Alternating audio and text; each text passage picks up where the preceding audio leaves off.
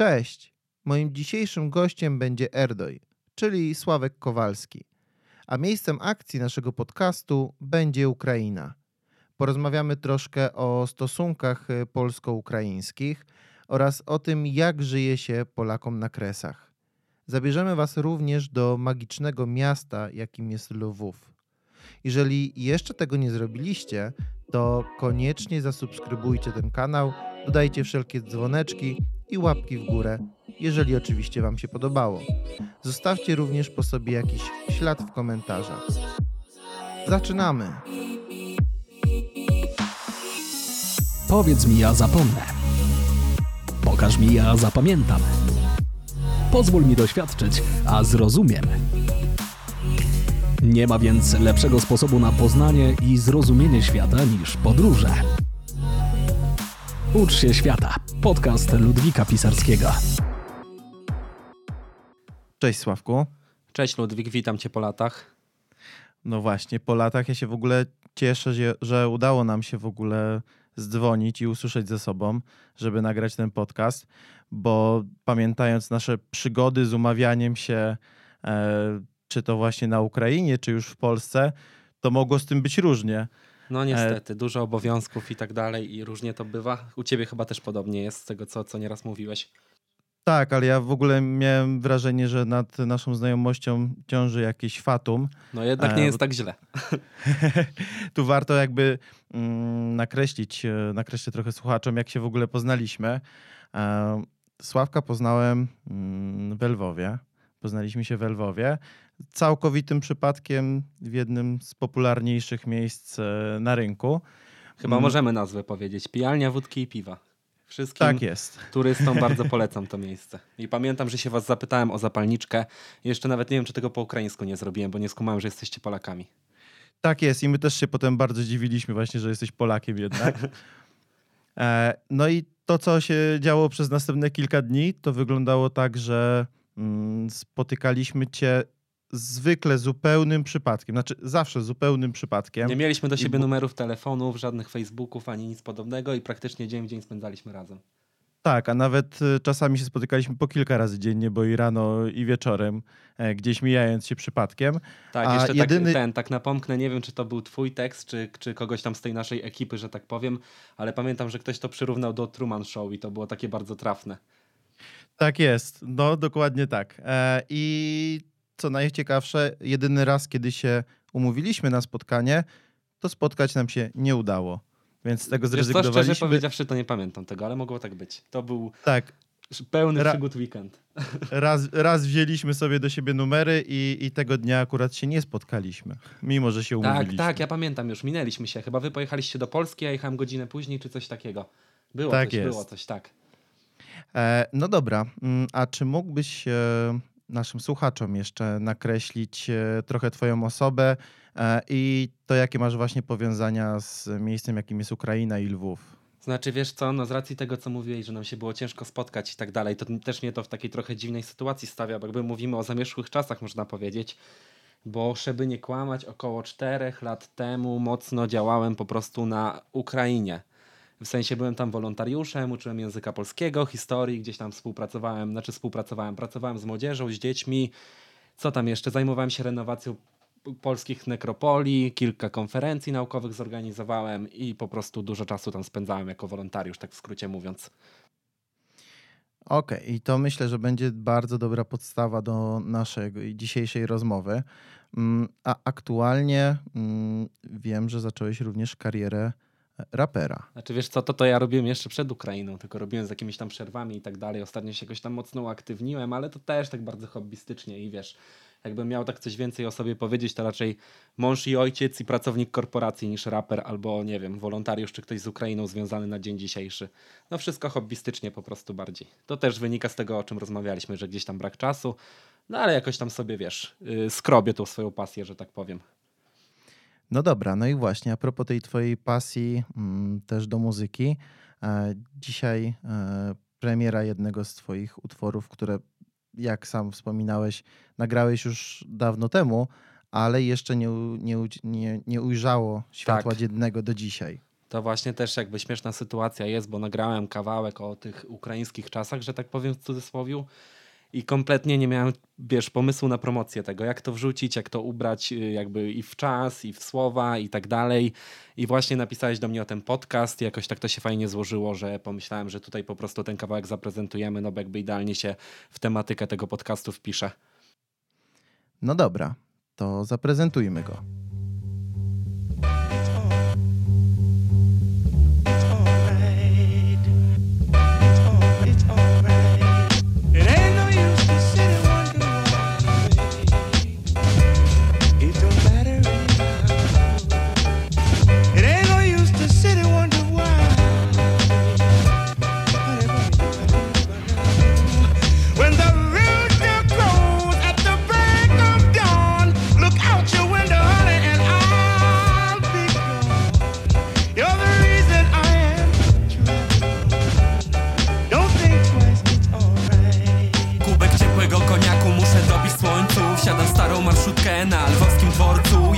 unless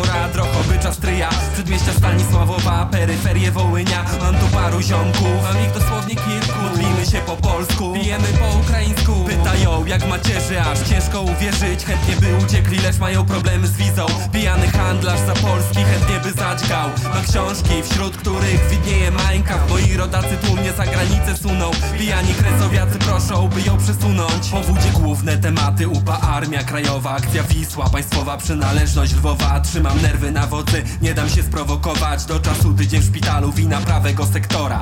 Znów jadę wzdłuż naszej wschodniej granicy. Dziwne znaczki uśmiechają się do mnie z tablicy. Jaki Lwiw, proszę ja cię, jaki Iwano Franko Dla mnie Lwów, Stanisławów, choć to było tak dawno. Znów jadę wzdłuż naszej wschodniej granicy. Dziwne znaczki uśmiechają się do mnie z tablicy. Jaki Lwiw, proszę ja cię, jaki Iwano Franko Dla mnie Lwów, Stanisławów, choć to było tak dawno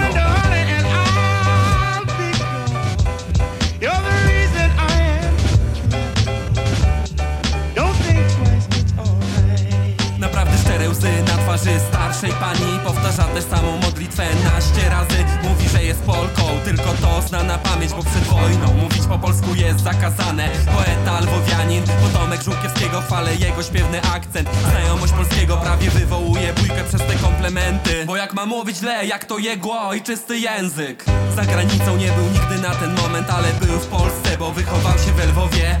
Kocha mocno ojczystę zamiast szydzić Parę metrów dalej ktoś krzyczy. Sława Ukrainie! Palę petka z lokalsami pod stryjskim gimnazjum. Uczę tu Stepan Bandera i Major Łupaszko. Serce kraje się, jak pomyślę gdzie to zaszło. Wznosząc toast zastanawiam się, czy było warto.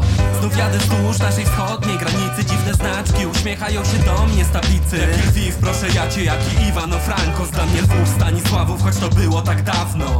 Znów jadę wzdłuż naszej wschodniej granicy Dziwne znaczki uśmiechają się do mnie z tablicy. Jaki Lwiw, proszę ja cię, jaki Iwano Franko Dla mnie Lwów, Stanisławów, choć to było tak dawno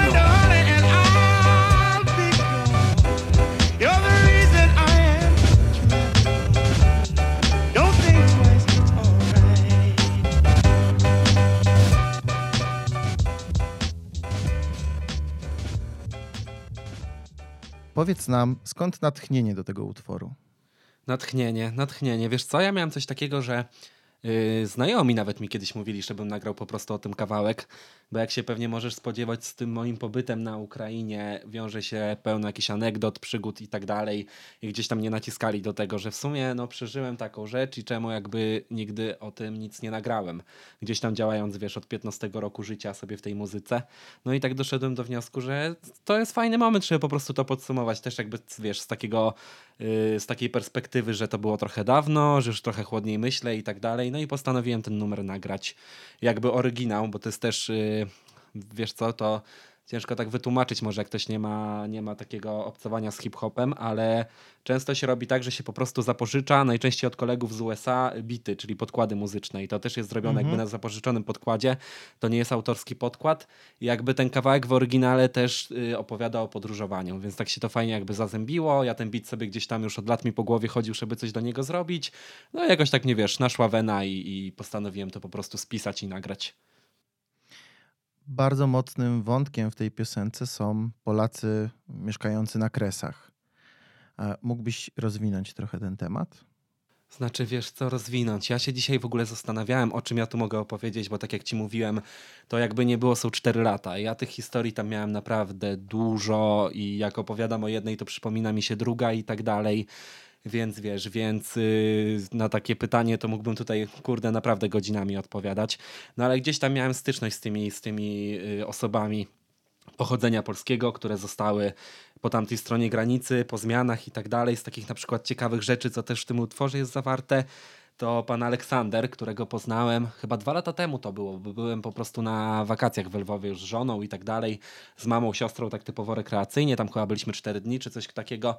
I wiesz, od początku mówiłem żonie, że żeby poznać ten region jakby jego magię, to trzeba poznać takiego prawdziwego kresowiaka z krwi i kości, czyli takiego Polaka, który wiesz, jest tam mimo tej zmiany granic i tak dalej i ciągle jakby kultywuje tą polską tradycję, wiesz, mówi po polsku, gdzieś tam y, jest katolikiem, bo to też jest w sumie ważne w tej tożsamości, no bo jak wiadomo Ukraina jest Mhm. grekokatolicka, a nie rzymsko. No katolikiem to było taki skrót myślowy, no chodzi mi o tutaj Mhm. o, o, o rzymski katolicyzm. No i spotkaliśmy Aleksandra. I Aleksander okazał się takim typowym lwowskim baciarem. Y, To tak przybliżając tutaj wszystkim ten termin, no to są po prostu takie lekkoduszne osoby, że tak powiem. Czyli, że sobie gdzieś tam żyją, za bardzo się niczym nie przejmują, trochę chuliganią i tak dalej. I to jest jakby też Okej. wpisane w ten, y, w ten przedwojenny Lwów, te baciary, jest pełno nich piosenek i tak dalej. To najczęściej byli jacyś młodzi, młodzi chłopcy.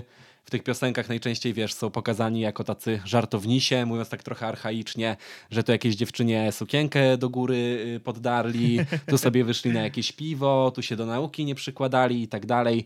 Tacy najbardziej znani to tacy dwaj kabareciarze, czyli Szczepcio i Tomcio. Też gdzieś tam polecam na YouTubie sobie ich odnaleźć. To była y, Wesoła Lwowska Fala, taka audycja w Radio Lwów. No i właśnie spotkaliśmy Aleksandra, on jakby się w ten etos tego baciara idealnie wpisywał. Jak się go zapytałem o numer telefonu, to on powiedział, że jego w Lwowie się po prostu spotyka. Że do niego nie można zadzwonić, napisać, jego się po prostu spotyka. I dzisiaj Rostak chciał, że my się spotkaliśmy. I też wiesz, jakby przed tym podcastem się zastanawiałem i słuchałem y, podcastu z Romanem i chyba nawet drugi raz. I tak się zdziwiłem, bo Yy, tak sobie wiesz, analizując te wszystkie swoje historie w głowie, doszedłem do wniosku, że tu głównym wątkiem mimo wszystko będzie yy, wódeczka, koniak i takie typowo, wiesz, ukraińskie życie. I się zdziwiłem, że właśnie u Romana się tak to mało przewijało, jako tam urodowitego nad- nadniestrzy- no, jak to tak można nazwać. No, że u niego jakby aż tak tego dużo nie było, a ja tam tylko spędziłem dwa lata i wiesz, i tutaj ten temat będzie cały czas. I właśnie z Aleksandrem też siedliśmy do flaszki i Aleksander na przykład na pytanie, czy był gdzieś za granicą, odpowiedział, że nie, nigdy nie był. Nawet chyba mówił, że paszportu nie ma i tak dalej. A na pytanie, czy był kiedyś w Polsce, odpowiadał, że on teraz jest w Polsce, bo on jest w Lwowie.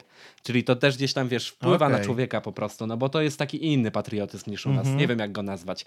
Ci ludzie bardzo, wiesz, bardzo przywiązują uwagę do takich dla nas błahostek, czyli jakieś tam, wiesz, rosół w niedzielę, pójście na mszę, spotkanie się wieczorem, w ogóle możliwość mówienia po polsku i też mi się wydaje, że to w taki sposób, wiesz, kształtuje człowieka, jak się tam pojedzie. Jak się zobaczy, jak ci ludzie podchodzą do tej polskości, jak oni szanują język i tak dalej. Na przykład z takich historii jeszcze, co teraz mi się przypomniała, y, spotkałem taką panią Romę, niestety nazwiska nie pamiętam, ona była aktorką y, w Operze Lwowskiej. I ona mówiła tak y, typowo po lwowsku, czyli wiesz, zaciągała i tak dalej. No to raczej każdy kuma, jak ten lwowski akcent wygląda, tak mi się wydaje, że to jest takie rozpowszechnione i w naszej kulturze. I ja do tej Wystarczy pani pojechać Romy... na trzy dni i samemu się zaciąga. No tak, tak. I Ja do tej pani Romy powiedziałem, wiesz, z całej dobroci serca i tak dalej, że bardzo ładnie mówi po polsku. I chodziło mi o ten akcent. I Mhm. po prostu ona się zrobiła cała czerwona, wściekła i do mnie z tekstem, że jak ja jej mogłem O. tak powiedzieć, jak ona jest Polką.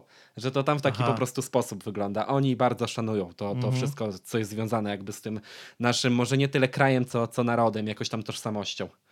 Bardzo kultywują swoje korzenie. No tak, tak, tak. No ale to też jest, wiesz, no zależy, bo też y, pamiętam, że rozmawialiśmy na Facebooku na przykład na temat y, karty Polaka. To też jest dużo osób, które podchodzą do tego w, tak, że nawet to, to nie jest za bardzo, wiesz, jakieś tam, y, jakaś tam tajemnica. Jest pełno takich punktów na całej Ukrainie z wielkim billboardem karta Poliaka. I możesz sobie tam przyjść i taką kartę wyrobić. I to jest na takiej zasadzie, że sobie na przykład przychodzisz ty, mówisz, że się nazywasz Ludwik Pisarski, że chcesz pracować w Polsce, że potrzebujesz wizy, żeby pracować. I jakiś tam pan urzędnik półlegalnie, znając Ukrainę, szuka ci polskich korzeni. I zawsze się ktoś tam znajdzie po prostu, więc wiesz. Więc y, też duża część tych ludzi na pewno jakieś tam polskie korzenie ma. No ale wiesz, przez te wszystkie lata, przez komunizm, Związek Sowiecki i tak dalej, no niestety dużo osób zapomniało, że jest tymi Polakami. Też z takich Mhm. historii, to też było w tej piosence w ogóle zawarte. Y, Spotkałem, to była wieś Bołszowce pod Iwano-Frankowskiem, czyli przedwojennym Stanisławowem. Tam spotkałem taką panią i tam y, nocowaliśmy i ogólnie pracowaliśmy w cudzysłowie, bo to był wolontariat y, w zakonie Franciszkanów w tej wiosce. Ten zakon w ogóle, wiesz, wygląda jak zamek. Wioska taka typowo, typowo właśnie zachodnioukraińska, że jakieś drewniane chatki i tak dalej. I po upadku komunizmu Franciszkanom z Krakowa się udało jakby odzyskać ten zakon. On, pod, on podszedł pod polską diecezję, oni go wyremontowali. I do tego on jest na takim wzgórzu, więc też nie do końca wszystkim to odpowiada, bo po prostu no, bardzo się wyróżnia na tle tej wioski, że jak tam wiedziesz, widzisz ten zakon. On jest pięknie wyremontowany. Pracują tam naprawdę świetni, świet, y, świetni duchowni. Na takiej zasadzie, że oni jakby, wiesz, jakby też przewartościowali moje spojrzenie na, na Kościół jako instytucję i tak dalej. I mam do nich O, wielki proszę. szacunek i też gdzieś do dzisiaj mamy kontakt. No, ale wracając do tematu, do tego zakonu prowadziły takie y, strome schody. Ich, no nie przesadzając, było ze 150. I ja Okej. idąc sobie koło tych schodów spotkałem taką starszą panią około 80 i po prostu się zamyśliłem i powiedziałem do niej po polsku zamiast po ukraińsku. I powiedziałem Aha. do niej, że jej mogę pomóc wejść y, po tych schodach na górę. No i ona mnie złapała pod rękę, jak usłyszała, że jestem Polakiem, to przez, Boże, no te 200 schodów, jak wcześniej powiedziałem, zatrzymywała się co trzy i opowiadała mi zdrowaś Maryjo. I to się może wydawać śmieszne, ale tutaj chodziło o to, że ona po prostu była jakby w cudzysłowie mówiąc ofiarą rzezi wołyńskiej, że podczas rzezi Okej. wołyńskiej straciła rodzinę. No bezpośrednio nie była ofiarą, Mhm. bo przeżyła, ale y, ona potem została, zamieszkała jakieś y, ciotki, która już mówiła po ukraińsku, bo to było bardzo często na kresach, że jakby te dwie narodowości, no nie tylko dwie, bo tam było bardzo dużo narodowości, ogólnie taki kocioł się ze sobą mieszały i gdzieś tam były te, wiesz, rodziny ukraińsko-polskie Mhm. i ta ciotka z racji strachu przed jakimiś tam opresjami, czy to od właśnie UPA, czy to od potem Związku Sowieckiego i tej partii komunistycznej sowieckiej, zabraniała jej mówić po polsku. I ona w tym, y, w tym wieku 80 lat tylko to zdrowaś Maryjo pamiętała. No to też na pewno było coś takiego, Okej. co wiesz, no po prostu no, łapie za serce takie coś, jak się coś Mhm. takiego słyszy i widzi. Dla nas to jest po prostu niewyobrażalne. Wiesz, że ktoś może z takim patetyzmem do całej tej sprawy podchodzić, nie? Do, do jakiejś tam modlitwy, którą pamięta i którą po prostu, wiesz, tej pani się serce radowało na to, że spotkała Polaka. Mhm. E, No właśnie, wspomniałeś tu mm, też e, o właśnie o Wołyniu. E, Wspominałeś też wcześniej właśnie, że uczyłeś e, na Ukrainie polskiego. Mm, Ja pamiętam jedną historię, gdzie jeden z twoich podopieczny, po- z podopiecznych opowiadał nam o tym, mm, jak w szkole w pewnym momencie e, zauważył, że ten fragment jakby historii jest pominięty na lekcjach e, i że zapytał się wprost o Wołyń, mm, za co został dość e, mocno skarcony i zostali wezwani rodzice do, do dyrektora, że jak wychowują swoje dziecko. Jak to właśnie wygląda mm, w szkołach na Ukrainie? Czy tak faktycznie jest to zupełnie pomijane, czy to są jakieś raczej odosobnione przypadki? Wiesz co, ja wrócę jakby do dwóch już tematów, które dotknęliśmy, czyli do tej wioski, o której mówiłem, gdzie spotkałem właśnie tą starszą Okej. panią, tak żeby ci nakreślić, jak to tam wygląda. Y, Mhm. W tej wiosce zakon, o którym mówiłem, ten krakowski, postawił krzyż właśnie dla, dla ofiar UON i UPA, czyli ofiar tego Wołynia, tak upraszczając, bo to nie Mhm. dotyczyło jakby tylko Wołynia, tylko też Małopolski Wschodniej, ta rzeź, no ale już tak nie wchodząc w takie szczegóły, to jest właśnie na terenie Małopolski Wschodniej, tak swoją drogą ten zakon. I Mhm. tydzień dosłownie później po postawieniu tego krzyża przy pobliskiej y, cerkwi grekokatolickiej, która jest jakby, wiesz, pod jurysdykcją ukraińską, powstał podobnych rozmiarów krzyż z tabliczką, y, że dla upamiętnienia wszystkich ukraińskich ofiar Armii Krajowej. I tu się pojawia Okej. jeden problem, bo y, w województwie przedwojennym stanisławowskim Armia Krajowa nigdy nie miała swoich struktur. I to jest po Mhm. prostu gdzieś, wiesz, na pewnym polu gra taka bardziej polityczna niż historyczna, bym powiedział. To jest po prostu naród, który ma, no też tutaj nie chcę jakoś tak zabrzmieć, wiesz, szowinistycznie czy coś, Mhm. bo też nieraz jakby takie zarzuty usłyszałem, ale trochę tam byłem i wiem, jak to wygląda. I oni mają problem z tą tożsamością. Jakby mają tego jednego bohatera, na którego nie, modna, nie można podnieść ręki, utożsamiają się z nim, czy Mhm. wiesz, czy to jest dobre, czy złe, no to wydaje mi się, że każdy tam trzeźwo myślący może to ocenić. No i jeszcze miałem powiedzieć o jednej rzeczy, dobra, już wiem. To też jeszcze tak wracając do tej piosenki, którą zaprezentowałeś i, i o którą pytałeś. w Stryju, właśnie w tym mieście, z którego pochodzi Roman, o którym, o którym tutaj napomknąłeś, bo to on opowiadał Mhm. tą historię właśnie o tej szkole, Dokładnie tak. jest y, gimnazjum. I to jest gimnazjum, które, no jak wiadomo, jak mówi historia, kiedyś y, było pod, no po prostu na terenie Polski. I do tego gimnazjum y, uczęszczał Stepan Bandera i major Łupaszko, czyli tam słynny dowódca Brygady Wileńskiej Armii Krajowej. No i przed tą szkołą niestety stoi tylko pomnik Bandery i jest wywieszona tylko tabliczka przy wejściu, że on był jakby uczniem. No i wiesz, no to jest takie trochę, trochę śmieszne, znaczy śmieszne, mo- może bardziej przykre niż śmieszne, bo jakby w Warszawie stoi yy, Tarasa Szewczenki pomnik i tak dalej, a tam to wszystko jest, wiesz, jakby tak zamiatane pod dywan, że oni nie do końca chcą pokazać, że tam kiedyś była inna władza, już nawet nie mówię o innym narodzie, tylko inna władza i jakby inna rzeczywistość niż teraz. I to też na przykład widać na cmentarzu łyczakowskim, który wiesz, utrzymuje się, nie ma co oszukiwać z biletów Polaków. Tam jest do groma Polaków, słuchać tylko polski język, jakby do dzisiaj nie ma tabliczek w języku polskim. Czyli idziesz sobie A- tym cmentarzem, masz wszystko w cyrylicy, y, wszystkie drogowskazy prowadzą do jakichś tam wieszczów narodowych Ukrainy i tak dalej, a żeby odnaleźć na przykład y, pani Zapolskiej czy Konopnickiej pomnik albo trafić na cmentarz Orląt Lwowskich, no to już naprawdę musisz się albo posiłkować jakimiś przewodnikami, albo po prostu jakimś Google Maps i tak dalej, bo w ogóle nie jest to oznaczone. A na przykład ja wiesz, ja jestem z Lubelszczyzny, jakbyś poszedł na ukraiński, znaczy w sumie bardziej grekokatolicki cmentarz w Lublinie, to doszedłbyś do wniosku, że polskie cmentarze u nas w tych dzisiejszych granicach są, wiesz, bardziej zaniedbane niż tamten, nie? Więc to jest takie trochę niesprawiedliwe. No ale niestety, no tak to wygląda. Moim zdaniem to jest bardziej, wiesz, cmentarzu- bardziej polityka niż jakaś nienawiść. Mhm. Mnie na tym cmentarzu właśnie najbardziej zadziwiło to, że mm, przy kasach, y, gdzie się kupowało normalnie bilety, pan też zbierał do jakiejś skarbonki e, właśnie oznaczonej e, banderowskimi symbolami, mm, też na jakieś ich upamiętnienie. Znaczy wiesz co, tutaj jest też jakby ciekawa rzecz, jeżeli chodzi o banderowskie symbole i ogólnie ukraińskie y, symbole państwowe, bo to też nie tyczy się tylko czerwono-czarnej flagi, ale również żółto-niebieskiej, że tam wraz jakby z aneksją Krymu i z całą tą sytuacją w Doniecku zrobiła się straszna moda na y, umieszczanie wszędzie symboli narodowych. I są na przykład takie sytuacje, że są y, toalety publiczne pomalowane w kolory flagi ukraińskiej, kontenery na śmieci w kolorze flagi ukraińskiej i tak dalej, więc wiesz, ja tutaj w ogóle nie jestem zaskoczony. Mhm. No okej. na przykład, no wyobraź sobie, że idziesz sobie Kielcami i widzisz y, jakiś tam śmietnik przydrożny stojący na ławce, który jest biało-czerwony. No tak trochę to w konsternację by cię wprawiło, a tam to jest normalne po prostu, to jest na porządku dziennym. Mhm. No, w sumie nawet jest e, nawiązująca do właśnie banderowskich e, czasów e, knajpa na samym rynku w Lwowie. Tak, jest kryjówka. Miałem tam śmieszną sytuację, bo przez przypadek to już nie było, jak byliśmy razem. To chyba było nawet jak wcześniej byłem, przed tym wyjazdem, kiedy się, kiedy się my poznaliśmy. Y, wszedłem do kryjówki na zasadzie takiej, że chciałem zobaczyć, jak to wygląda i tak dalej. I się zapomniałem, że mam koszulkę z wielkim napisem na plecach wolontariat dla kresów. A tam kresy to jest takie, Okej. wiesz, słowo cenzuralne. Jakby kresy to oni uważają, że to jest od razu jakby określenie, y, że te ziemie są polskie, czyli że Kresy Rzeczpospolitej. Oni są bardzo uczelni na to słowo i tak dalej. No i miałem tam trochę takich krzywych spojrzeń, ale się skończyło na szczęście bez jakichś tam większych tarapatów. No ale ogólnie Kryjówka to jest takie typowo komercyjne miejsce i jak byliśmy ostatnio z żoną, to też więcej tam było Polaków niż Ukraińców, prawdę mówiąc. I nie ma, nie ma w ogóle jakiegoś strachu, żeby tam wejść. To jest po prostu, wiesz, jakby skomercjalizowanie yy, w, nawet bym powiedział fajny sposób tego partyzanckiego sznytu i tak dalej i dziwię się w sumie, że w Warszawie na przykład nie ma jakiejś knajpy dotyczącej tam Narodowych Sił Zbrojnych czy Armii Krajowej, bo jest to naprawdę fajnie zrobione. To jest po prostu bunkier pod ziemią.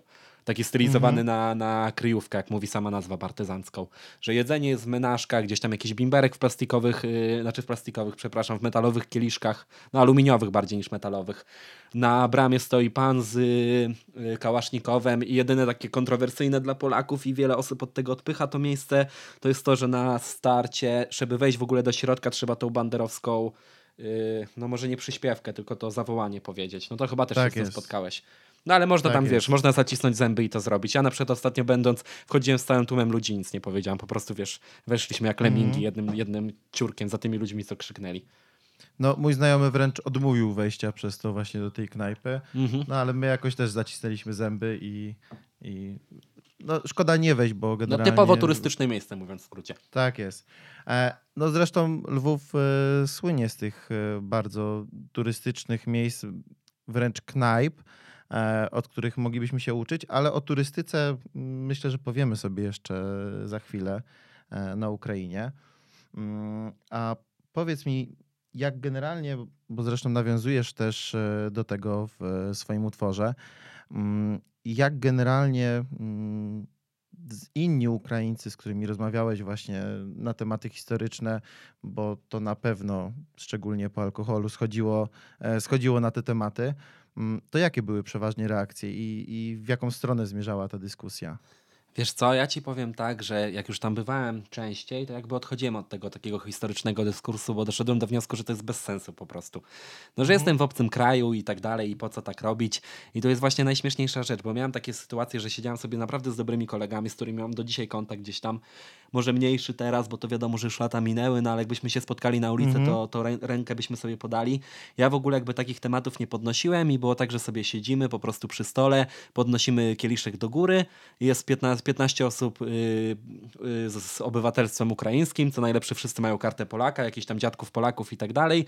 I nagle, wiesz, tak kompletnie bez powodu jeden z nich potrafi do mnie powiedzieć, że a Armia Krajowa też mordowała Ukraińców, akcja Wisła, coś tam, Okej. coś tam, coś tam. I nikt nie wspominał o żadnym Wołyniu, o żadnym UPA i to też mi się wydaje, że jest taki trochę kompleks, że oni, wiesz, oni wiedzą, że tutaj ludzie są negatywnie jakby nastawieni do tych formacji, do tych sytuacji i tak dalej i, i jakby z założenia gdzieś tam, wiesz, gdzieś tam y, chcą cię, jak to powiedzieć, kontrargumentować, chociaż ty nic nie powiedziałeś.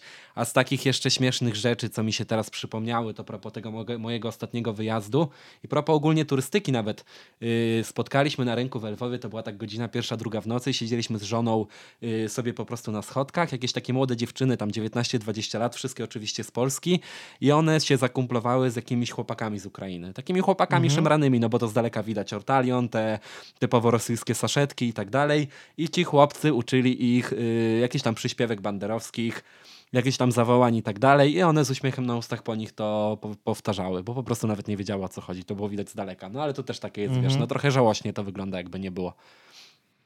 No, kwestia też właśnie chyba edukacji historii i, No i u tak. nas. A One były u zadowolone, że się wiesz, że się uczą y, ukraińskiego, nie? To tak jakbyś Mhm. pojechał do Francji i Francuz by ci powiedział, jak jest na zdrowie po francusku, bo to jest chyba takie popularne, że każdemu się to toasty mówi za granicą, uczy się go i Mhm. Pewnie, że tak.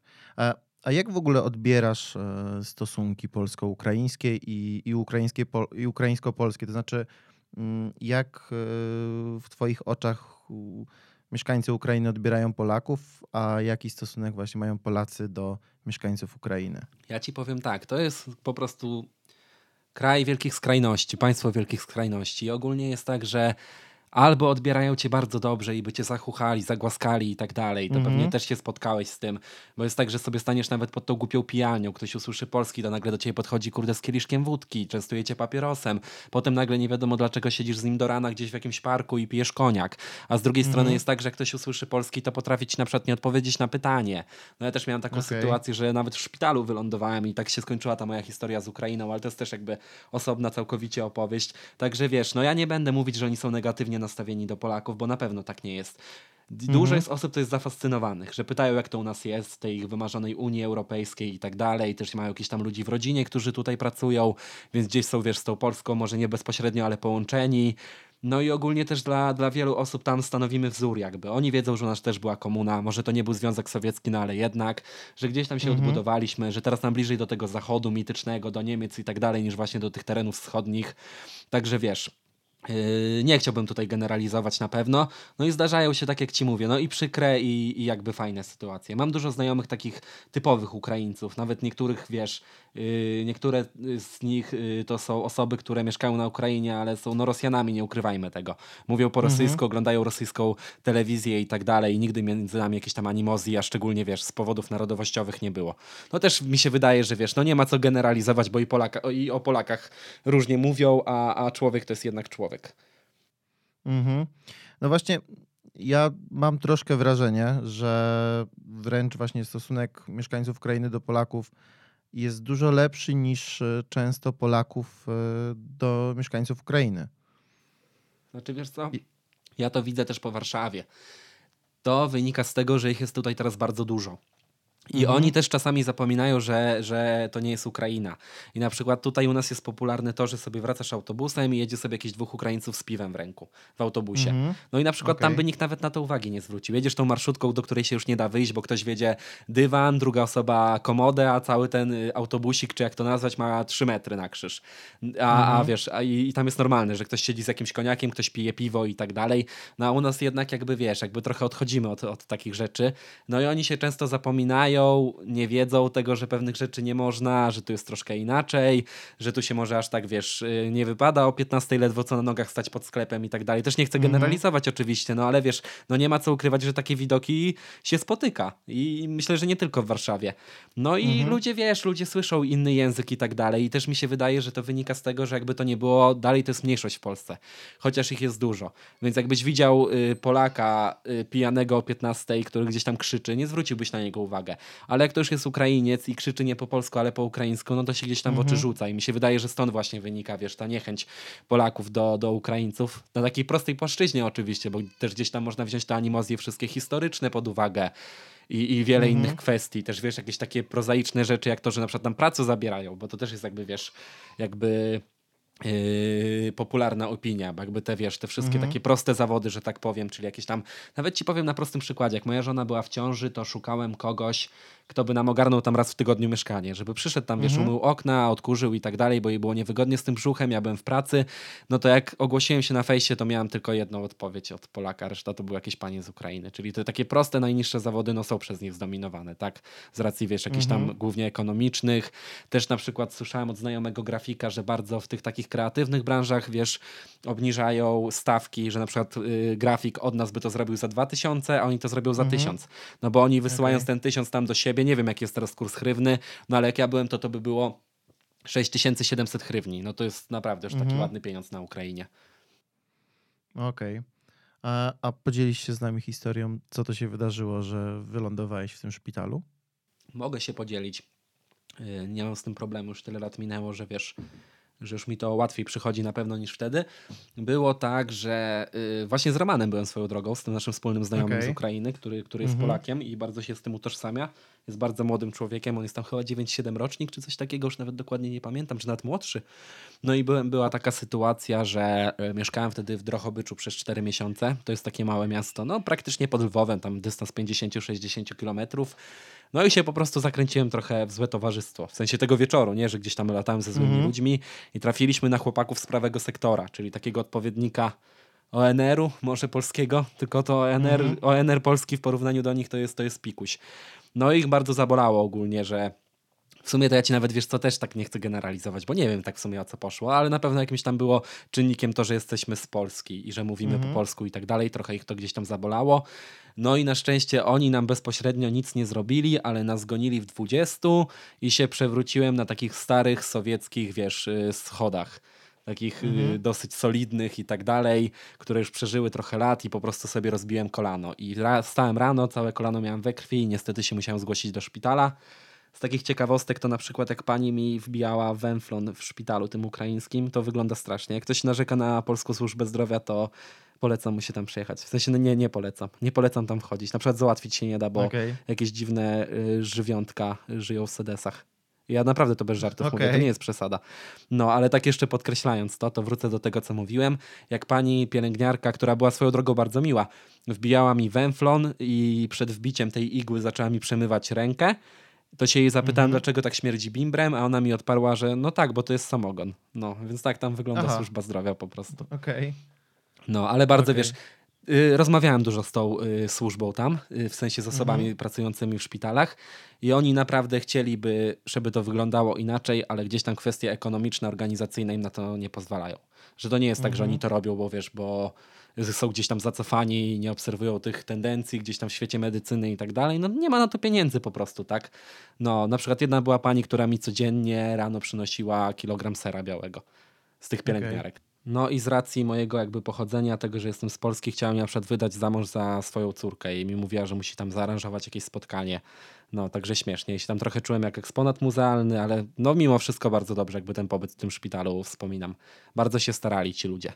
Że to, to No naprawdę Ukrainki piękne kobiety, to mogłeś skorzystać. Znaczy wiesz, no, ta sama uroda, co, co i w Polsce mi się wydaje, co i gdzieś tam w Bułgarii, Chorwacji i tak dalej. No takie typowo słowia, słowackie, Słowiańskie. słowiańskie, Mhm. przepraszam, rysy twarzy.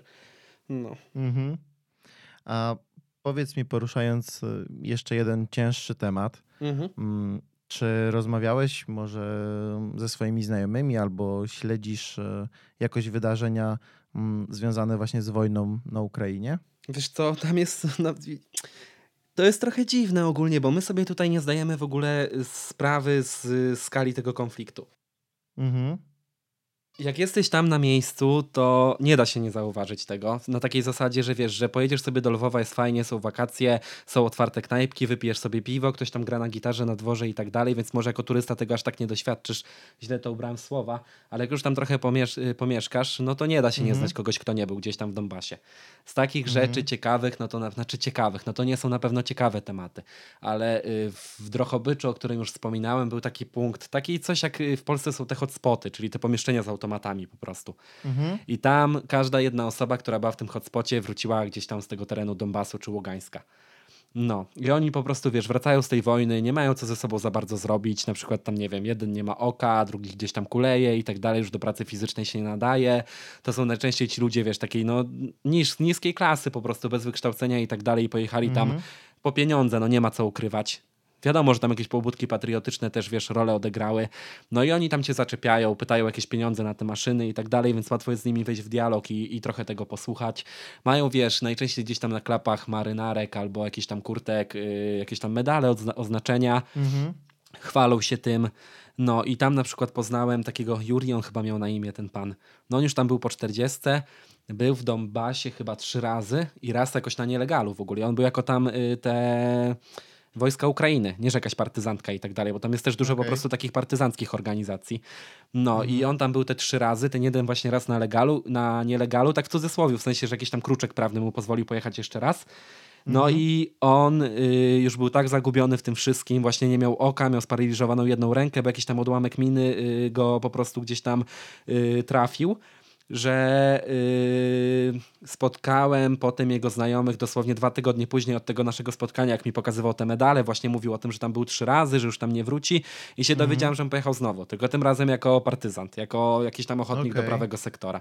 No, że to są już osoby jakby skazane na to życie na wojnie. No ale to nie tyczy tylko się Ukrainy, bo to jest wiesz jakby bardzo częste jakby takie no, powikłanie, może tak to można nazwać, jak ktoś już raz na tym froncie stanie, tak?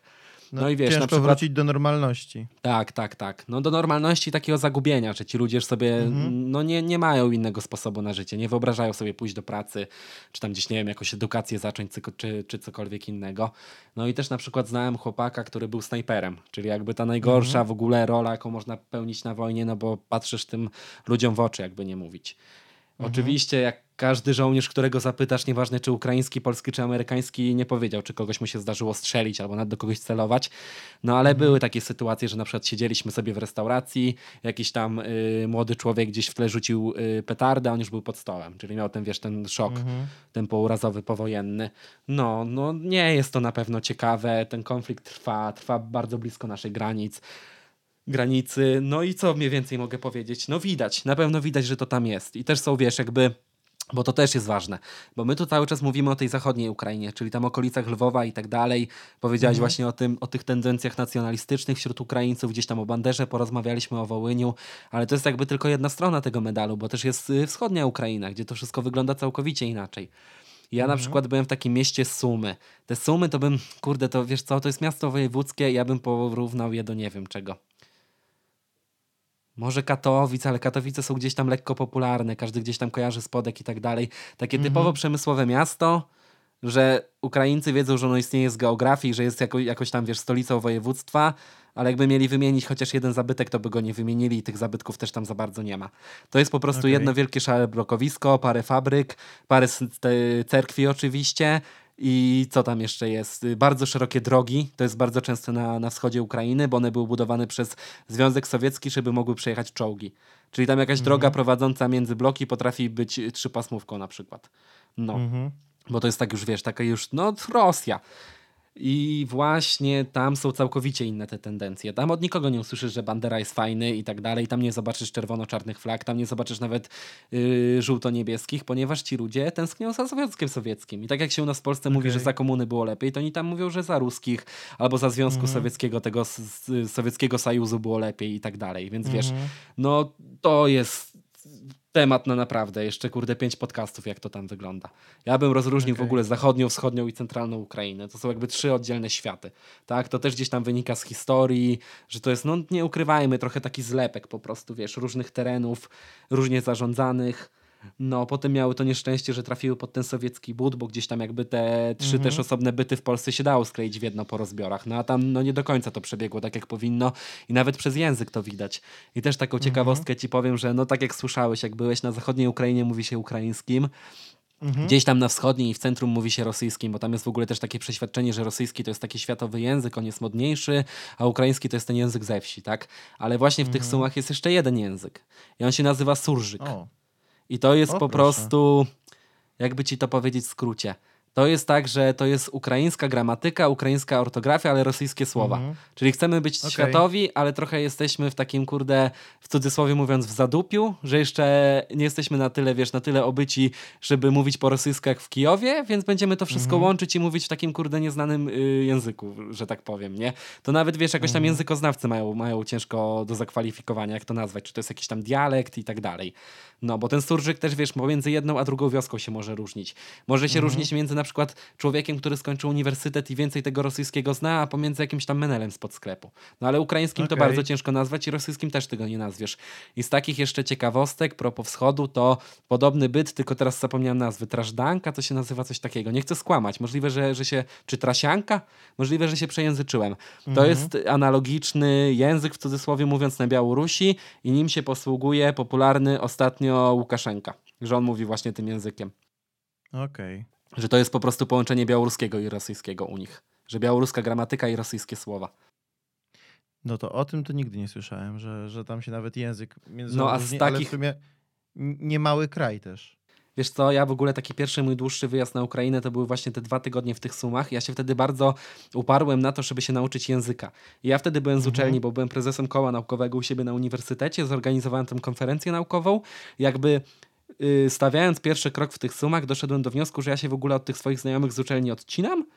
Bo tam, wiesz, jakbyś, jakbyśmy mieli dokoptowanych ludzi tam y, z tego uniwersytetu u nich, gdzie była ta konferencja naukowa, ja chcę jak najwięcej czasu z tamtymi ludźmi właśnie spędzić, żeby, no jakby, kurde, tak trochę antropologicznie poznać, jak to wszystko wygląda, a z drugiej strony się nauczyć języka. I po prostu po tych dwóch tygodniach się nauczyłem tego surżyka. I wiesz, jak wróciłem Okej. tutaj do Polski, rozmawiałem z jakimiś znajomymi z Ukrainy, którzy właśnie byli ze wschodu i mówili po rosyjsku albo z zachodu po, i po ukraińsku, to się łapali, y, wiesz, za głowę. Że ja tam pojechałem i się nauczyłem w sumie takiego nie wiadomo czego, no, no wiesz o co chodzi. Że nawet ciężko to językiem nazwać, nie? No ja po, nie mówiłem po ukraińsku, ja już mówiłem tym surżykiem właśnie. To oni nawet często jacyś tam y, osoby posługujące się ukraińskim albo rosyjskim nie mogą tego języka zrozumieć. Okej. To, to aż dziwne. To w sensie nie spodziewałem się, ale to trochę też jak. y, No nie wiem, czy to można porównać, ale jak y, u nas Kaszubi też mówią trochę innym językiem. Nie, to jest, się to jest, wiesz co, to jest inaczej. Ludwik. Tak, na, tak pod takim względem języ, językoznawczym to jest całkowicie co innego, bo jakby Okej, Kaszubski to się okej. Tak mówiąc prosto wytworzył i tak dalej, ma jakieś No, korzenie, to jest tak. jakby też uznawane Mhm. za osobną jakby tam grupę etniczną, czy jak to Mhm. nazwać, a tam to jest takie, no, no jak ci to powiedzieć, no im więcej się słyszy rosyjskiego w telewizji, im się czyta więcej książek, tym więcej się tego Okej. rosyjskiego w ukraiński wplata, tak? Okej. No rozumiem. więc no, możesz sobie gdzieś tam poczytać na Wikipedii. To jest naprawdę taki, Mhm. wiesz, ciekawy temat swoją drogą. Ja znalazłem jeszcze będąc na studiach tylko jedno opracowanie naukowe na ten temat, że chyba nawet ktoś z Polski jakiś tam doktorat na ten, na właśnie w tej tematyce napisał. Mhm. Okej. Ale na E, przykład, y, s, Boże, Serbio-Łużynianie, tak się to mówi, dobrze mówię? Serbsko-łużycki język. To jest na podobnej Mhm. zasadzie. Że to jest ten język łużycki połączony z niemieckim. I to jest też kwalifikowane jak właśnie ten surżyk. I ta trasianka białoruska. Mhm. Okej. Mm, No dobra, a przechodząc e, może troszkę do też e, milszych tematów, Mhm. e, żeby też e, nie, nie zrazić może ludzi do turystyki na Ukrainie, mówiąc, e, mówiąc o wojnie, mówiąc o, o tych historycznych zaszłościach. Mm, Co ci się podoba najbardziej na Ukrainie? Gościnność na pewno. Bo to jest po prostu Mhm. nie do opisania, wiesz. Jakby cała ta kultura ich, mi, się to, mi to bardzo zaimponowało i, i mi tego brakuje w Polsce, że tam na przykład sobie wychodząc na wódkę, mówiłem, że ten temat się będzie często przewijać, no ale nie da się tam inaczej, to w Polsce mając 30 zł pójdziesz do jakiegoś tam pobliskiego supermarketu i kupisz kurde pół litra jakiejś tam żubrówki. A na Ukrainie jest tak, że jak ktoś ma 200 hrywien i no 200 hrywien ta nie kosztuje, tam tak też, też tych cen nie pamiętam, no ale około 70 hrywni. No 70 hrywni, dajmy na to kosztuje flaszka, to on nie pójdzie po tą flaszkę, tylko on kupi dwa piwa, ale za to kupi chleb, jakiś kawałek wędliny, ogórki kiszone, jakąś rybkę i tak dalej. Czyli tam po prostu, wiesz, jakby picie samego alkoholu bez zastawionej całej kurde ziemi, ławki, stołu, co by to nie było, to jest po prostu dla nich jakby szczyt alkoholizmu i tak dalej, nie? U nas czegoś takiego Czyli nie ma zakuski kompletnie. to podstawa.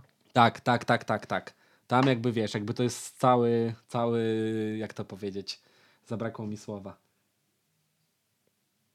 No cały proces jakby, nie? Że musi być Mhm. to jedzenie, musi być to picie, muszą być te toasty, bo tam jest tak, że za każdym razem jak podnosisz kieliszek, no to musi być jakiś toast, że za kogoś i tak dalej. Jak ja tam byłem, to najprzed, Mhm. najczęściej były te toasty za mnie, za Polskę i tak dalej, wiesz, więc to było też na pewno miłe.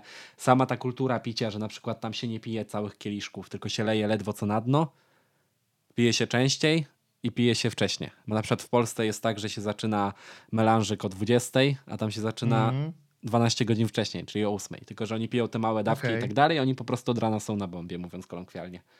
No. Tam jest na przykład tak, że miałem taki osiedlowy sklepik koło miejsca, w którym mieszkałem i tam tacy normalni ludzie, którzy zaraz szli do pracy i tak dalej, przychodzili o 7 rano po chleb i jakiś tam, wiesz, kawałek jakiejś szynki i brali sobie już 50 bimbru, bo tam w sklepie jest bimber ogólnie sprzedawany. Niby nikt tego nie widzi, Mhm. a za pół godziny przychodzi policja, ta beczułka tego bimbru jest na środku i oni w jej stronę nie patrzą, więc wiesz. Czyli taki zwykły samogon po prostu. No tak, ktoś tam zapłacił Okej. i wiesz, i każdy na to przymyka oko. No, tam się pije od rana do wieczora. Tam praktycznie każdy pije. Tak nie umniejszając nikomu, no bo też jakby wiesz, nie poznałem jakichś tam ludzi na wysokich stanowiskach i tak dalej, no ale tak nie oszukując, to myślę, że jest podobnie. Mhm. A jakie są według ciebie najpiękniejsze miejsca na Ukrainie? No Lwów, na pewno Lwów. Lwów to jest takie, wiesz, miasto, które, ja to nieraz mówiłem, które jakby nie było na Ukrainie, to byłbym w stanie spakować plecak i się do niego przeprowadzić. I to nie chodzi mi o Mhm. to, że mi gdzieś tam przeszkadza, wiesz, na Ukraina jako naród albo, albo ten, albo jakieś inne rzeczy, tylko bardziej chodzi mi o tą organizację, jak to tam wszystko wygląda, bo to jest po prostu tragedia. Tam jest bardzo Mhm. ciężko żyć. Nawet takie, wiesz, prozaiczne rzeczy jak to, że Lwów jest jedynym miastem w Europie, gdzie jest ruch tramwajowy na rynku.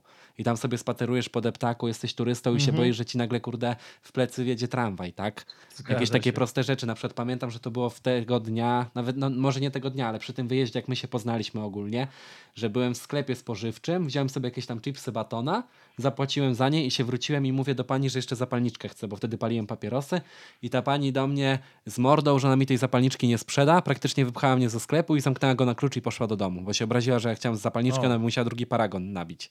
Że to jest taka typowa, no inny świat po prostu, no to jest ciężkie do opisania. Ja się tutaj zgadzam, tak jeszcze wrócę raz do tego Romana, że on to Mhm. dobrze opisał, że ja na przykład oglądając jakieś tam filmy z Naddniestrza, Białorusi, jakiegoś tam nawet Kazachstanu, kurde, Rosji, Syberii i tak dalej, to ja nie, nie, nie patrzę na tak na obce miejsce. Bo po prostu to Mhm. wszystko jakby na wschód od nas to jest jedno i to samo. Tam się nic nie różni. Wszędzie są te same poklejone bloki, że sobie ktoś tam coś dobudował i tak dalej.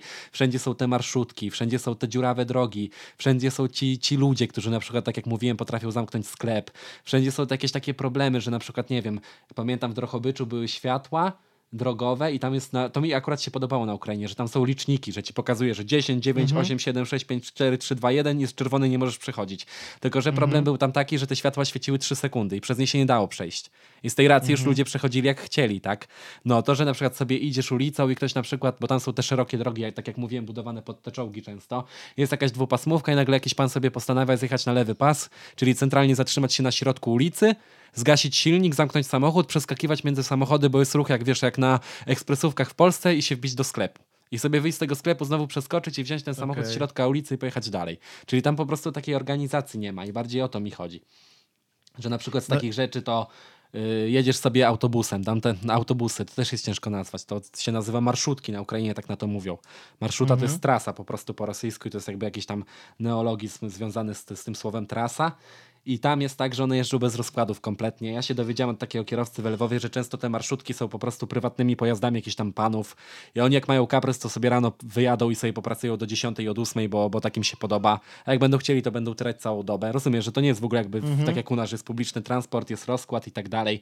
No ja na przykład miałem sytuację, że jechałem sobie tą marszutką i pan sobie nagle zjechał do sklepu, bo na- Ukrainie ogólnie takie rzeczy jak kawa, jak właśnie bimber i tak dalej, piwo można Mhm. spożywać w sklepie i wziął sobie kawkę w jakimś tam spożywczaku, siadł, siadł sobie za stołem i sobie siedzi. No i ludzie tacy skonsternowani po Okej. trzech minutach się go pytają, że o co chodzi, czy on będzie jechać i tak dalej i on ich zwyzywał. Że on nie pojedzie, że on sobie kawę Okej. pije. Jeszcze na złość zaczął wolniej tą kawę pić. Minęło 15 minut, siadł na, za, za kierownicę i pojechał. I z tego co nawet pamiętam, to ta marszutka jechała do granicy polskiej, nie? Czyli tak bardzo, wiesz, Okej. logistycznie jakby to siada, no bo może na ciebie czekać na przykład autobus do jakiegoś miasta za tą granicą, albo pociąg czy coś, nie? Mhm, mhm. No, no więc jeżeli chodzi o takie kwestie organizacyjne, no to naprawdę tam jest bardzo To w ciężko. Polsce parę lat temu jeszcze widziałem, że autobus się mógł zatrzymać, żeby sobie kierowca wyskoczył do sklepu na chwilę, No, ale no, nie do sklepu tego na chwilę. stopnia. No właśnie, do sklepu na chwilę, a nie na kawę, jeszcze na złość ludziom yy, pić ją tak wolno, nie? Aha. No, ale tak wracając do tego tematu, no to na pewno Lwów. O, co bym tam jeszcze tak wymienił? Tak, tak jeszcze na sekundkę przerwę. Mhm. Nie wiem, czy śledzisz e, Instagram Romana. Śledzę, Mm. śledzę, tak. I ja ci No ja- powiem, że to większość tych rzeczy, co wrzuca, to jest to samo, co i tam się dzieje. No właśnie, a Roman ostatnio ma duży problem z tym, że jego słuchacze non-stop piszą do niego, że Roman, ale u nas w Polsce to dokładnie tak samo. Wiesz co, ja bym ci odpowiedział w prosty sposób. Niech taka osoba, co tak pisze, sobie tam pojedzie i mi się wydaje, że wtedy też tą Polskę doceni. Dokładnie. Mhm. No tam jest całkowicie inny świat. Ja też tam, wiesz, nie byłem teraz dwa lata bodajże. Też mogę tam, wiesz, w jedną albo drugą stronę przegiąć, bo też tego nigdzie nie notuję. Mhm. No dla mnie to jest tam też trochę takie pojechanie, jak wiesz, jak kurde do Krakowa, w którym studiowałem. Że Mhm. do Lwów to nie jest dla mnie jakieś tam obce miasto. Ja tam przyjeżdżam, wysiadam z tego autobusu, ja wiem, gdzie pójść, gdzie sobie tam jakieś fajne mieszkanie wynająć, co zrobić, jak sobie zająć czas, do której knajpy pójść na obiad, więc też jakoś tam, wiesz, nie pamiętam tego aż tak dokładnie. No ale ogólnie rzecz biorąc, no to ja nawet y, Romanowi odpisałem na tą wiadomość na Instagramie. Że Mhm. no wystarczy tam pojechać, no jest wielka przepaść, no nie ma co ukrywać. Tam jest całkowicie inaczej. Dla takich osób, co, co jakby chcą zobaczyć skalę tego, to niech sobie na przykład tam, nie wiem, wpiszą na YouTubie droga Szegini Medyka. To jest jakby droga od y, Mhm. granicy polskiej do, nieźle powiedziałem, Szegini Medyka to jest akurat ten, y, przejście graniczne. Droga z Mhm. Szegini do, kurde zapomniałem teraz słowa y, nazwy miejscowości. No ale mniejsza o to. No to tam do, najbliższej, do najbliższego jakby sensownego miasta od granicy.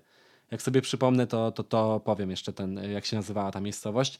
No i niech sobie zobaczę, w jakim stanie są te drogi, tak? Ja na przykład jadąc ze Stryja, to jest takie miasto pod Lwowem, do, na Wołyń, do Beresteczka, też takie dla historii polskiej ważne miasto, Yy, chociaż no, to też mam anegdotę propos tego, ale, ale to zaraz. To bałem się po prostu, wiesz, że się zaraz autobus przewróci. Takie były dziury na drodze. Jechałem takim autokarem wielkim, takim nowoczesnym w sumie, bo tam była i toaleta w środku i tak dalej, to nie była ta marszutka.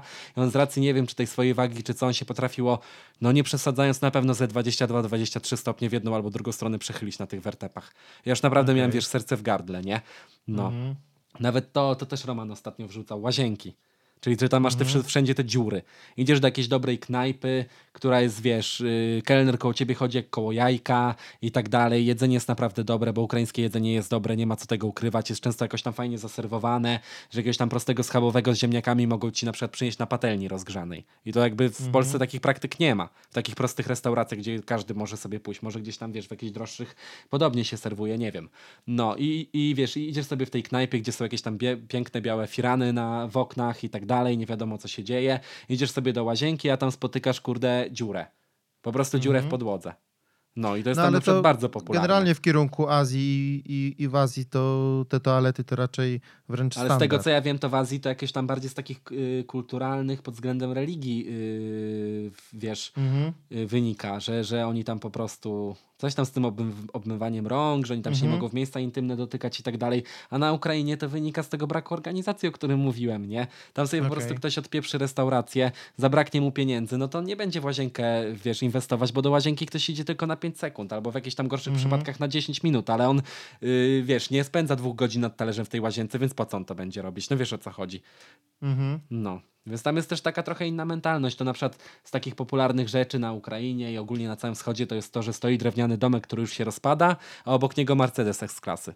Bo oni tam na przykład nie mają tak jak u nas, że u nas się inwestuje w dom, bo może jakieś tam dzieci wezmą i tak dalej, tylko oni mają takie jeszcze trochę sowieckie myślenie, że może zaraz się zmieni ustrój i ktoś ten dom zabierze. Mhm. A przecież da się tutaj mieszkać i tak dalej. No wiesz o co chodzi. No, rozumiem. Troszkę mi to przypomina mm, mentalność e, niektórych osób, których e, spotkałem w Afryce. Jakby e, oni też jakby do tych domostw podchodzą w ten sposób, że czasami nie wartaż tak Też gdzieś to, o tym czytałem. w to inwestować. Mhm. Na przykład, jeżeli chodzi o mieszkania i ten rynek mieszkaniowy, tam jeszcze jest to tak, że ci oligarchowie, to ja też byłem w szoku, jak się o tym dowiedziałem.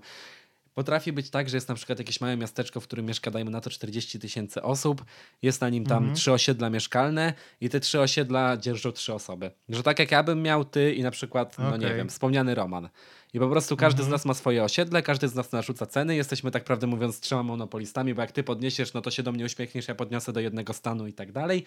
No i ci ludzie mają po 60-70 lat, oni nie mają możliwości kupna mieszkania, no bo nie ma czwartego osiedla, gdzie, które by było spółdzielcze, albo gdzieś tam Mhm. jakieś deweloperskie i można by to mieszkanie odkupić, więc po co oni mają to mieszkanie remontować, jak oni płacą jakiemuś człowiekowi, tak? Mhm. No, widziałem właśnie też e, na Ukrainie, że na przykład są bloki, które mm, co któreś piętro jest ocieplone, Tak, tak, tak. a są przerwy, że któregoś piętra ktoś nie ocieplił. Na przykład teraz mieszkaliśmy na Łyczakowskiej w Lwowie. Bardzo piękne miejsce swoją drogą, tam w pobliżu kościoła świętego Antoniego. Wy chyba też gdzieś tam w tych Mhm. okolicach mieszkaliście, jak wtedy byliśmy razem. Nie pamiętam dokładnie. No, blisko dość. No, tak mi się coś wydaje, że o tej Łyczakowskiej wspominaliście. No i tam na przykład sobie wyszliśmy na balkon na papierosa i ktoś, yy, po prostu nasz sąsiad, jakby w, na kolejny balkon, w tym tak, tak typowo, wiesz, to nie było murowane ani nic, sobie na balkonie zrobił pokój, że po prostu było łóżko, jakaś komoda, lampka, coś tam, coś tam, Mhm. coś tam, nie? No, więc Taki zabudowany samowolka- balkon. ta samowolka, wiesz, budowlana jest na naprawdę dużą skalę, nie? Tam potrafi być tak, że Mhm. każde piętro jest jakby ma inną elewację zrobioną, bo sobie ktoś postanowił maznąć na żółto, a drugi na niebiesko na przykład. To, to, to był przypadek, że mi flaga ukraińska wyszła, naprawdę. Aha. E, No, ale a tego co- też bym się nie zdziwił swoją drogą, jakby ktoś tak zrobił. Mm, mm, a jeżeli ktoś już trafi do Lwowa, mam nadzieję, że mm, jak najwięcej osób, bo też e, potwierdzam, że piękne miasto. E, Co uważasz, że jest takim must see? Co jest must see? Dużo rzeczy. Na przykład Stryjski Park, to mało rzeczy o tym wie, ale nie wiem, bo to też od tej aktorki, o której wcześniej wspominałem, że tak się oburzyła na to, że, że jakby jej pochwaliłem ten lwowski akcent. Mhm. Y, w Stryjskim Parku rosną gruszki na wierzbie. Nie wiem, czy od tego się wzięło to powiedzenie, czy to jest jakby, Okej. że pod to powiedzenie oni jakby tam zasadzili te drzewka. Też nie wiem do końca na jakiej to jest zasadzie, do końca tego nie rozumiem, czy to jakaś genetyka, czy to jest może Aha. jakoś tam powieszone jak choinki, jak y, bombki na Okej. choince, bo też bym się nie zdziwił, no Mhm. ale taka fajna atrakcja miła, nie? No, Mhm. y, no cała starówka oczywiście, gdzieś tam ratusz i tak dalej, te wszystkie knajpy z stylu Dom Legend, gdzieś tam kryjówka, taka knajpa z tymi lampami gazowymi, gdzie po prostu dostajesz 10 Mhm. próbówek, jakieś tam wiesz trunków, które są zielone, niebieskie i wygląda jakby miały zaraz wybuchnąć i tak dalej, a są bardzo dobre, bo to są jakieś takie w sumie gówniane, ryżowe nalewki. No, na pewno Mhm. Wysoki Zamek. To jest po prostu piękne miejsce. To jak ktoś chce, no tam się w sumie poznaje Ukraińców. Idziesz tam koniecznie z butelką koniaku albo wódki, bo też to trzeba podkreślić, że koniak to jest tak jakby główny trunek na Ukrainie. Nie wódka jak u nas, Mhm. tylko właśnie koniak. I te koniaki też są bardzo często tanie i mi się wydaje, że z taką definicją koniaka to nic nie ma wspólnego. To jest po prostu jakaś tam podkolorowana wódka, która ma, wiesz, przypominać kolorem ten koniak, czy tam jakiś brandy. Mhm. No, no w Wysokim Zamku wy chyba też byliście z nami, z tego co pamiętam. Byliśmy, byliśmy. No, no i tam sobie trzeba po prostu pójść koło 23, 12 i tak dalej. Na przykład moja żona nie była, bo doszła do wniosku, że to za wysoko i, i, i mam nadzieję, że żałuje. Na pewno wiesz, to z takich rzeczy, ale to jest takie na zasadzie, że my to będziemy dobrze wspominać i ja to będę dobrze wspominać, bo tam byłem nieraz poza naszym spotkaniem. To ten park, Mhm. który jak planty w Krakowie biegnie wokół Starówki. Pamiętasz go? My Właśnie tam sobie właśnie wtedy siedzieliśmy. No, Tak w tym jest. parku. Ale to jest na takiej zasadzie, że to jest chyba jakaś taka bardziej sentymentalna wartość niż wiesz, niż, niż turystyczna. Co tam Ale powiem ci, po, Mhm. powiem ci, że mm, jak byłem ostatnio też na Ukrainie, a, no to właśnie też za, zaszliśmy do tego Ja parku też, ja też jak byłem I- ten, to poszedłem tam. i spotkaliśmy jeszcze więcej Polaków, No. więc to jest jakieś miejsce, które ma jakiś magnetyzm w sobie Ja ci powiem Polaków. o co chodzi. O to chodzi, że wiesz, że są na tej starówce. Wiedzą, że na Aha. starówce aż tak pić nie wypada po tej Mhm. polskiej mentalności, chociażby pewnie nikt nawet uwagi nie zwrócił. Więc wychodzą z tej starówki, przechodzą przez przejście i idą do tego parku. No prosta piłka, tak? I dlatego tam tyle No sumie- Polaków jest i nie tylko Polaków. Do groma jest tam po prostu turystów. Pamiętam też, że tam fajny sumie tak. skatepark jest. Mhm. w tym parku. Nie wiem, czy on jest tam od lat pięciu, czy od dwóch, bo już tak y, kompletnie jakby chronologia tych wszystkich moich wyjazdów mi się pomieszała. No opera lwowska. Na pewno polecam sobie wchodzić Mhm. gdzieś tam w jakieś, wiesz, w jakieś bramy. My na przykład Mhm. teraz, jak byliśmy z żoną, robiliśmy to na taką masową skalę. Ja tylko nie w Lwowie, wiesz, jakby to, to robiłem, tylko też w tych mniejszych miastach, czyli wpieprzyć się za przeproszeniem w pierwszą lepszą bramę i się rozglądać. Mhm. I nagle się okazuje, że tu wisi jakiś szyld fryzjer w języku polskim. Tu się okazuje, że jest tablica nie liczakiwska, tylko łyczakowska i tak dalej. Więc można takie Mhm. wiesz, ślady historii znaleźć. Z takich, No, też e, studzienki kanalizacyjne Studzienki, tak. są Z takich-. Z takich łatwych do znalezienia, że ktoś, kto tam pojechałby dzisiaj, nie miałby problemu, to wystarczy się przejść za operę lwowską, jakby od tyłu, nie, nie od frontu, tam gdzie jest Mhm. główne wejście i tam jest y, polska nazwa ulicy, tabliczka. I to wisi do dzisiaj O, na 100%. To nie zauważyłem. No, y, co jeszcze z takich rzeczy? Tam no to, też w tym kierunku za operą, mm, jak się wejdzie trochę w bloki, można znaleźć taki plac e, Tak, z porzuconymi tak, tak. zabawkami. Tak, tak, to też jest na pewno fajne miejsce. Ciężko je w sumie opisać. Jest po prostu tak, że jest taki parkanik przed blokiem i z tego, co ja gdzieś tam zasłyszałem od lwowiaków, to było na takiej zasadzie, że jedna pani tam postawiła miśka, potem Mhm. postawiła druga, potem trzecia i jest po prostu cały plac zabaw, taki plac Okej. zabaw też z klimatem, bo on jest taki Mhm. typowo socjalistyczny, że te wszystkie konstrukcje, huśtawki, drabinki, ślizgawki są takie typowo metalowe, żeliwne wręcz i tam są po prostu porozstawiane te zabawki, więc sobie można fajne zdjęcie zrobić, też polecam. Mhm. Wiesz co, ja tak teraz kurczę, to jest aż dziwne, bo mnie zaskoczyłeś tym pytaniem trochę. Bo ja się czuję tak, jakby się mnie ktoś zapytał, wiesz, na przykład, co jest fajnego w Warszawie. Że z jednej strony znam dużo miejsc, które tam są fajne i na pewno warte uwagi, a z drugiej strony to jest takie. Ciężko to przetworzyć, bo bardzo często tam byłem. Wiesz o co Mhm. chodzi? Że coś, co dla kogoś Mhm. może być ciekawe, to dla mnie to takie jest już, że no jakbym teraz pojechał, to bym tam nie zaszedł. No cmentarz Mhm. Łyczakowski to jest taki obowiązkowy punkt moim zdaniem, że każdy, kto tam pojedzie, to musi tam zajść. To powinien być jakby priorytet całej wycieczki do Lwowa, bo to bardzo działa jakby, wiesz, jakby na tą tożsamość narodową, już tak mówiąc bardzo patetycznie i tak dalej, no ale no miejsce warte na pewno uwagi, nie? Zgadza I się. z taką zadumą, że ten melanżyk z tą tanią wódką ukraińską to sobie zostawcie na drugi dzień, a tego pierwszego pójdźcie Mhm. po prostu na, na cmentarz Łyczakowski, tak? Ja mam takie Mhm. podejście. No, No, za każdym razem, jak jestem w Lwowie, to zdecydowanie ja tak samo. Nie, nie było, nawet to- nie pamiętam, nie, nie pamiętam choćby razu, żebym nie, nie zaszedł, zawsze Mhm. byłem. Yy, co tam jeszcze? Pomnik Mickiewicza jest na przykład spoko miejscowo, bo też tam można dużo Polaków spotkać. Bo on po prostu O jest na kurczę, takiej... a tam chyba nie trafiłem. To jest zaraz przed operą w sumie. Mhm. Tam jest Aha, po okej, prostu tak, że dobra. są takie schody i tak dalej, tam dużo ludzi Mhm. siedzi, no i tam tak jak mówię, no ale to tak, tak, tak stricte towarzysko, fajne miejsce. No pijalnia Mhm. wódki i piwa, no to też jest jakby miejsce, no które od tego się nie da uciec, bo też się tam poznaliśmy i tak dalej. Jest niedrogi alkohol, fajna atmosfera, tak typowo ukraińsko. No nad tą pijalnią jest ta knajpa, ja zawsze jej nazwy zapominam, gdzie są koncerty jazzowe i jest piwo kraftowe. To nie jest jakieś muzeum piwa? To jest Muzeum Piwa, tylko to Muzeum Piwa to jest z piwnicy tego, a ta knajpa się... Prawda, prawda ona się nazywa. Prawda. Mhm. To prawda, to też jest punkt obowiązkowy. Bardzo dobre piwo mają i piwo, co by w Polsce kosztowało 15 zł w sklepie, to tam w knajpie kosztuje 6. Czy jakaś tam fajna APA, IPA i tak dalej. Także też polecam. I są tam koncerty jazzowe, one chyba kiedyś były w środę, czwartek, a teraz już nie, nie, nie wiem, czy tam się coś zmieniło, czy nie. No i to Ja robi zawsze wrażenie. wszystkim... Ja zawsze wszystkim bardzo polecam też e, knajpę, która jest e, tuż nad e, kryjówką, Mhm. czyli ta Illuminati. A to ja nie wiem, czy tam byłem. Jakbyś mi nakreślił, co proszę. tam jest dokładnie. Przede wszystkim bardzo nietypowe wejście, bo jak się tam zapuka, trochę mały spoiler zrobię tym, którzy pojadą. Jak się zapuka do drzwi, to otwiera starszy mężczyzna w szlafroku. I ja ci teraz coś powiem. Jak ja teraz byłem, to chcieliśmy iść z żoną i nam ten pan powiedział przez drzwi, że już zamknięte. Aha, Naprawdę, okej, no naprawdę, to, To... jest, to jest y, poważne, poważnie pr- prawdziwa historia. Zaszliśmy tam, znaleźliśmy sobie na Google ten adres i tak dalej i nam powiedział, że zamknięty nas z kwitkiem odprawił. Okej, no to jeżeli będzie otwarte, to koniecznie trzeba tam zajść. Dla z mnie takich jeszcze- jest Też to wejście samo. Z takich aktualności, ciekawostek, jak to nazwać, to pamiętasz ten dom legend, który tam był? Tak. Mhm. Ta knajpa, na którą ten smog wyskakiwał, ział ogniem i, Mhm. tam, i tak dalej, o tym czasie lwowskim. No też tak sobie, no polecam ludziom pogooglować, albo najlepiej po prostu tam pójść, nic nie czytając wcześniej, bo mi Mhm. się wydaje, że to wcześniej jakby to, wiesz, bez, bez tego researchu zrobi największe wrażenie, to jak teraz byliśmy, to już była ta knajpa praktycznie zamknięta. Że już nie było tej godzinie tego całego show i tak dalej. Można było tylko sobie wejść na górę, zrobić zdjęcie w tym samochodzie na dachu i ogólnie była puszka, że zbierają na przetrwanie. I to było jakby przed koronawirusem i tak dalej, tak żeby tego nie wiązać jakby. Więc nie wiem, co tam z nim.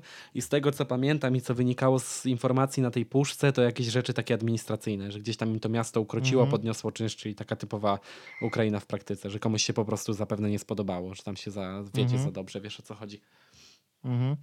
No dobra, ale o Lwowie to każdy słyszał już wiele razy, a czy jest jakieś miejsce poza Lwowem, do którego mm, uważasz, że trzeba pojechać, żeby zobaczyć e, trochę inną Ukrainę? Wiesz co, Lwów to jest miejsce wypadowe zajebiste, ponieważ wokół Mhm. Lwowa jest dużo małych miejscowości. Jest Stryj, jest Drochobycz, jest Truskawiec, jest yy, Sambor, jest Borysław, czyli takie typowo okresowe miasta, gdzie też jakoś tam się utrzymuje ta mniejszość polska, które też jakoś tam historycznie i ogólnie architektonicznie są ciekawe. Bo gdzieś tam się zachowały te ratusze i tak dalej, te kopalnie soli słynne, można wypić też dobre piwo, w sensie nie chodzi mi o to, że wiesz, że gdzieś tam fajna knajpa czy coś, tylko mają po prostu swoje lokalne browary. Mhm. No, yy, na przykład z Drochobyczem, no to wiesz, cała twórczość Brunona Schulza, tego pisarza, jest z tym miastem związana i bardzo oddziałowuje na to miasto, więc też sobie gdzieś tam można siąść z tą książką. Ona jest bardzo ciężka do czytania swoją drogą, ale jakby w Drochobyczu się uczyta o wiele łatwiej. I siąść sobie gdzieś na ławce, przeczytać tą książkę na przykład na ulicy Krokodyli. I to jest jakby tytuł jednej, wiesz, z powieści i to jest ulica Stryjska w Drochobyczu. No Okej. No, więc te wszystkie miejscowości wokół polecam i jak ja bym miał teraz na przykład zabrać kogoś, kto nigdy nie był w Lwowie, znaczy na Ukrainie w sumie bardziej, to ja bym raczej zrobił tak, że planując tygodniowy wyjazd bym dwa dni poświęcił na Lwów, a resztę na to, żeby w Lwowie nocować i obskoczyć te wszystkie miejscowości wokół. Mhm. Te mniejsze i tak dalej. No to w takim razie już mam plan na kolejny wyjazd. Bo no nawet wiesz co mi się wydaje, że rozmawialiśmy wtedy na ten temat, jak byliśmy razem, w sensie, żeby gdzieś tam wyskoczyć, ale wyszło jak wyszło. Mhm. Też mało czasu w Bardzo, bardzo mieliśmy. możliwe. Mm, No dobra, a powiedz mi, czy uważasz, że warto uczyć się świata? Pewnie, że tak. Ja ci powiem, że jakiegoś tam wielkiego doświadczenia nie mam i, i ja na przykład bym chciał jeszcze coś tam zwiedzić na pewno. I na pewno ten kierunek wschodni mimo wszystko. Wiesz, gdzieś tam byłem na zachodzie i tak dalej, ale to nie jest to samo. Ja to tam wolę sobie pójść ten, wiesz, w tą dzicz, że tak powiem, sobie wskoczyć. No. I A byłeś na wschodzie gdzieś poza Ukrainą? Właśnie ja to chciałem powiedzieć na początku, że właśnie nigdzie nie byłem. Ale to też To tak nawiązując do tego, wiesz, do tego, o czym mówiliśmy i, i, i Mhm. o czym ja wspominałem, no to mi się wydaje, że jakbym pojechał na Białoruś, to raczej by mnie nic nie zaskoczyło oglądając filmy z Białorusi. Jakbym miał Mhm. pojechać do nawet, kurde, nie wiem, Mołdawii, coś się aż tak nie kojarzy z tym wschodem, tylko bardziej już, wiesz, z tą Europą. Mimo, że to jest najbiedniejszy Mhm. kraj w Europie, no to mimo, mimo wszystko jednak Europa. Taka Europa w cudzysłowie mówię, nie jako kontynent, tylko jakby jakiś tam status społeczno-ekonomiczny. No to też Mhm. wydaje mi się, żeby mnie nic nie zaskoczyło. A taka moja wymarzona wycieczka na ten moment, jak się nie zmieni sytuacja polityczna, życzę wszystkim, żeby się zmieniła, no bo to jest chora sytuacja, że takie byty są, to bym na pewno chciał kiedyś już tak rodziną wyjechać, że wziąć żonę, syna i sobie obskoczyć wszystkie parapaństwa. Czyli gdzieś tam, wiesz, Mhm. Naddniestrze, Kosowo, Naddniestrze, mhm. no, no, te wszystkie, wiesz, twory, gdzieś tam Donieck nawet, nawet w to licząc i tak dalej, bo myślę, że też jakbym tam uruchomił stare znajomości, to bym się tam dostał, nie? Mhm. No, ale no, trzeba się uczyć świata, bym nawet powiedział. Jak was A- gdzieś tam ogranicza to podróżowanie, no to na przykład wiesz co, ja przez wiele lat byłem wielkim fanem Wikipedii, że potrafiłem na niej godziny, wiesz, Mhm. siedzieć. I na przykład zaczynałem od czytania biogramu jakiegoś żołnierza wyklętego, a jakimś cudem po prostu, wiesz, przez te takie odno- odnośniki tam zakreślone na niebiesko, że jakieś podstrony Mhm. linkowane, hiperłącza zrobione, Aha. potrafiłem od żołnierza wyklętego skończyć na jakimś wielorybie. No, Okej. to było jakby moje główne, wiesz, moje główne zajęcie wieczorami, jak się tutaj do Warszawy przeprowadziłem, jak jeszcze tak nie do końca miałem znajomych i bardzo wszystkim polecam, bo teraz ta nauka i wiedza jest po prostu, wiesz, na wyciągnięcie ręki, jakby nie było. Mhm. Nawet, A wiesz, twój co- podcast to jest, A- wiesz, przykład czegoś takiego, że sobie coś można rzucić na słuchawki i sobie na przykład, wiesz, posłuchać o twoich tam jakichś wyjazdach do Afryki i, i podobnych rzeczach. Na przykład ostatni odcinek dotyczący marynarzy, bardzo ciekawy. O, dziękuję bardzo. Znaczy Proszę. w imieniu gościa, bo to głównie jego historia. A powiedz mi, co, co ci się wydaje, że w takim razie jest największą wartością w tym uczeniu się świata? Wiesz co, to, że to zmienia spojrzenie na świat tak paradoksalnie. Świata, świat, takie masło maślane wyszło. Mhm. Ale mi się wydaje, że jakbym nie widział na przykład tego, co się dzieje na Ukrainie, jeżeli chodzi o tą mniejszość polską, o tą całą sytuację, takie wszystkie czynniki. Bo to mi nie chodzi o to, że jakaś pani mi tam opowiadała Zdrowaś Mario 30 razy, ja się przez to stałem wielkim patriotą, ale Mhm. o, o takie wszystkie rzeczy, jakby o historię, o wszystko z tym związane, o to, jak jest zdezorganizowany ten kraj, jak wygląda kraj, który się nie do końca z tego jakby wschodniego nurtu wyzwolił, a nam się to udało, Mhm. no to jakby we mnie takie, wiesz, wielkie poczucie patriotyzmu zbudowało i mi się wydaje, że jakby obrać jakiś tam inny kierunek, to też jakieś wartości by można było z tego wyciągnąć. No i, Mhm. i na pewno, wiesz, każda podróż, każde jakieś tam 5 minut w innym miejscu, bo to też tak się odnoszę do, do podróży, no ale każde jakby, każde zdanie przeczytane na temat innego zakątka na świecie, to mi się wydaje, że to jest naprawdę duża wartość, że gdzieś tam nas potrafi zmienić, jak tego nie zauważymy dzisiaj, to wiesz, za pół roku zauważymy. Mhm. Zgadza się, zgadzam się w pełni. No jest tyle A- ciekawych miejsc na świecie, że wiesz, jakby to wszystko przeczytać, to się w... Oj, nie wiem, czy by to mózg ludzki przetworzył. A powiedz mi, albo raczej bardziej naszym słuchaczom, gdzie można znaleźć Twoją twórczość? No też o tym, wiesz co, jak sobie tak myślałem, że tak zażartuję na początku tego podcastu i zrobię autoreklamę, jak tylko wspomnisz o tym kawałku i tak dalej i zapomniałem, taki ze mnie marketingowiec, a pracuję jako specjalista do spraw marketingu, aż wstyd. No, ale No to teraz do 5 tematu, minut dla Ciebie. to występuję pod pseudonimem Erdo i, i moją twórczość, no głównie na YouTubie. Kanał się nazywa tak samo jak ja w cudzysłowie. W sensie nie mam tak na imię, na imię mam Sławek. No ale, ale występuję pod pseudonimem Erdo i jak sobie wpisa- wpiszecie na YouTubie, to znajdziecie. No i też jakby taką gratkę dla was chcę zostawić, że y, premiera tego numeru, który usłyszycie, będzie tutaj u Ludwika na podcaście, a jakby na mój kanał na YouTubie on trafi na drugi dzień. Tak, żebyście też jakoś tam uhonorowani byli z racji tego, że tu z nami wytrzymaliście tyle czasu. Super. Ja na pewno dołączę wszelkie linki mm, w opisie na YouTubie, jeżeli słuchacie tego oczywiście na YouTubie. No i E, oczywiście jakieś tam Instagramy, nie. Instagramy, wszystko mam, tak. No to wszystko pod tym to- pseudonimem. To wszystko to będzie podlinkowane, więc e, ja serdecznie wszystkich bardzo zachęcam, e, bo ja ostatnio u mnie nie leci nic innego. O, bardzo mi miło również. Ja też dzisiaj na przykład 8 godzin w pracy spędziłem na słuchaniu twoich podcastów. I to nie tak, że wiesz, że wielce ten, wielce y, się chciałem przygotować, nie wiadomo co, tylko po prostu puściłem sobie jeden i to najnowszy odcinek na zasadzie takiej, że wrzucić go bardziej jako newsa niż, niż wiesz, niż Mhm. jakiś research zrobiłem i po prostu sobie już y, słuchałem jeden za drugim i bardzo przyjemnie mi się słuchało i też bardzo mi wiesz, jest miło, że mnie zaprosiłeś i mam nadzieję, że fajnie to wyszło, że się ludziom podoba. Ja jestem wręcz o tym święcie przekonany, e, a być może spotkamy się jeszcze e, w jakimś kolejnym odcinku, jeżeli kiedyś jeszcze dasz się zaprosić. No pewnie, z miłą chęcią. Ja jestem zawsze otwarty na takie rzeczy, więc wiesz. Super. To ja Ci bardzo serdecznie dziękuję.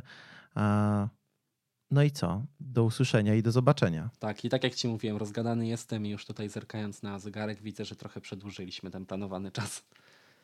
Nie, nie, jakby czas nielimitowany. Ciebie się tak miło słucha, że jakby to żaden problem. Jeszcze raz mi bardzo miło, już to zaraz zaczniemy się przytulać normalnie. Tak Po tych jest. komplementach w jedną i drugą stronę. Tak jest. No to jeszcze raz. Do zobaczenia. Dziękuję bardzo za zaproszenie. To już wszystko na dzisiaj. Jeżeli słuchasz tego na platformie YouTube, to koniecznie podziel się swoimi wrażeniami w komentarzach. Pamiętaj również o wszelkiego rodzaju subskrypcjach i lajkach. I pamiętaj, drogi słuchaczu, ucz się świata.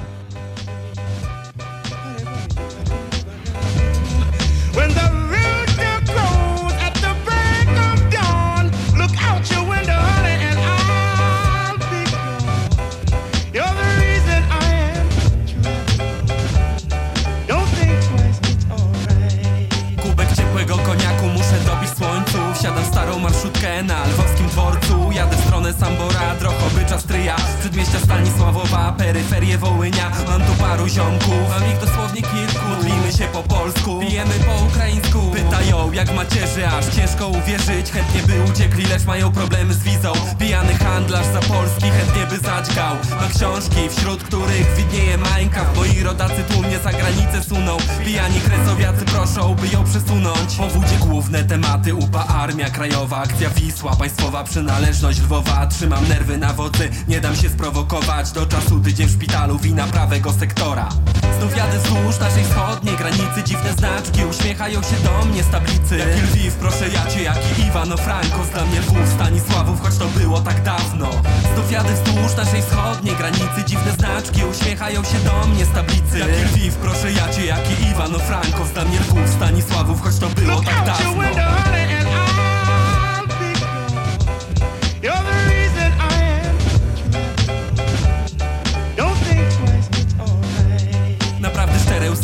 twarzy starszej pani Powtarza tę samą modlitwę naście razy. Mówi, że jest Polką, tylko to zna na pamięć Bo przed wojną mówić po polsku jest zakazane. Poeta lwowianin, potomek Żółkiewskiego Chwalę jego śpiewny akcent. Znajomość polskiego prawie wywołuje bójkę przez te komplementy. Bo jak ma mówić źle, jak to jego ojczysty język.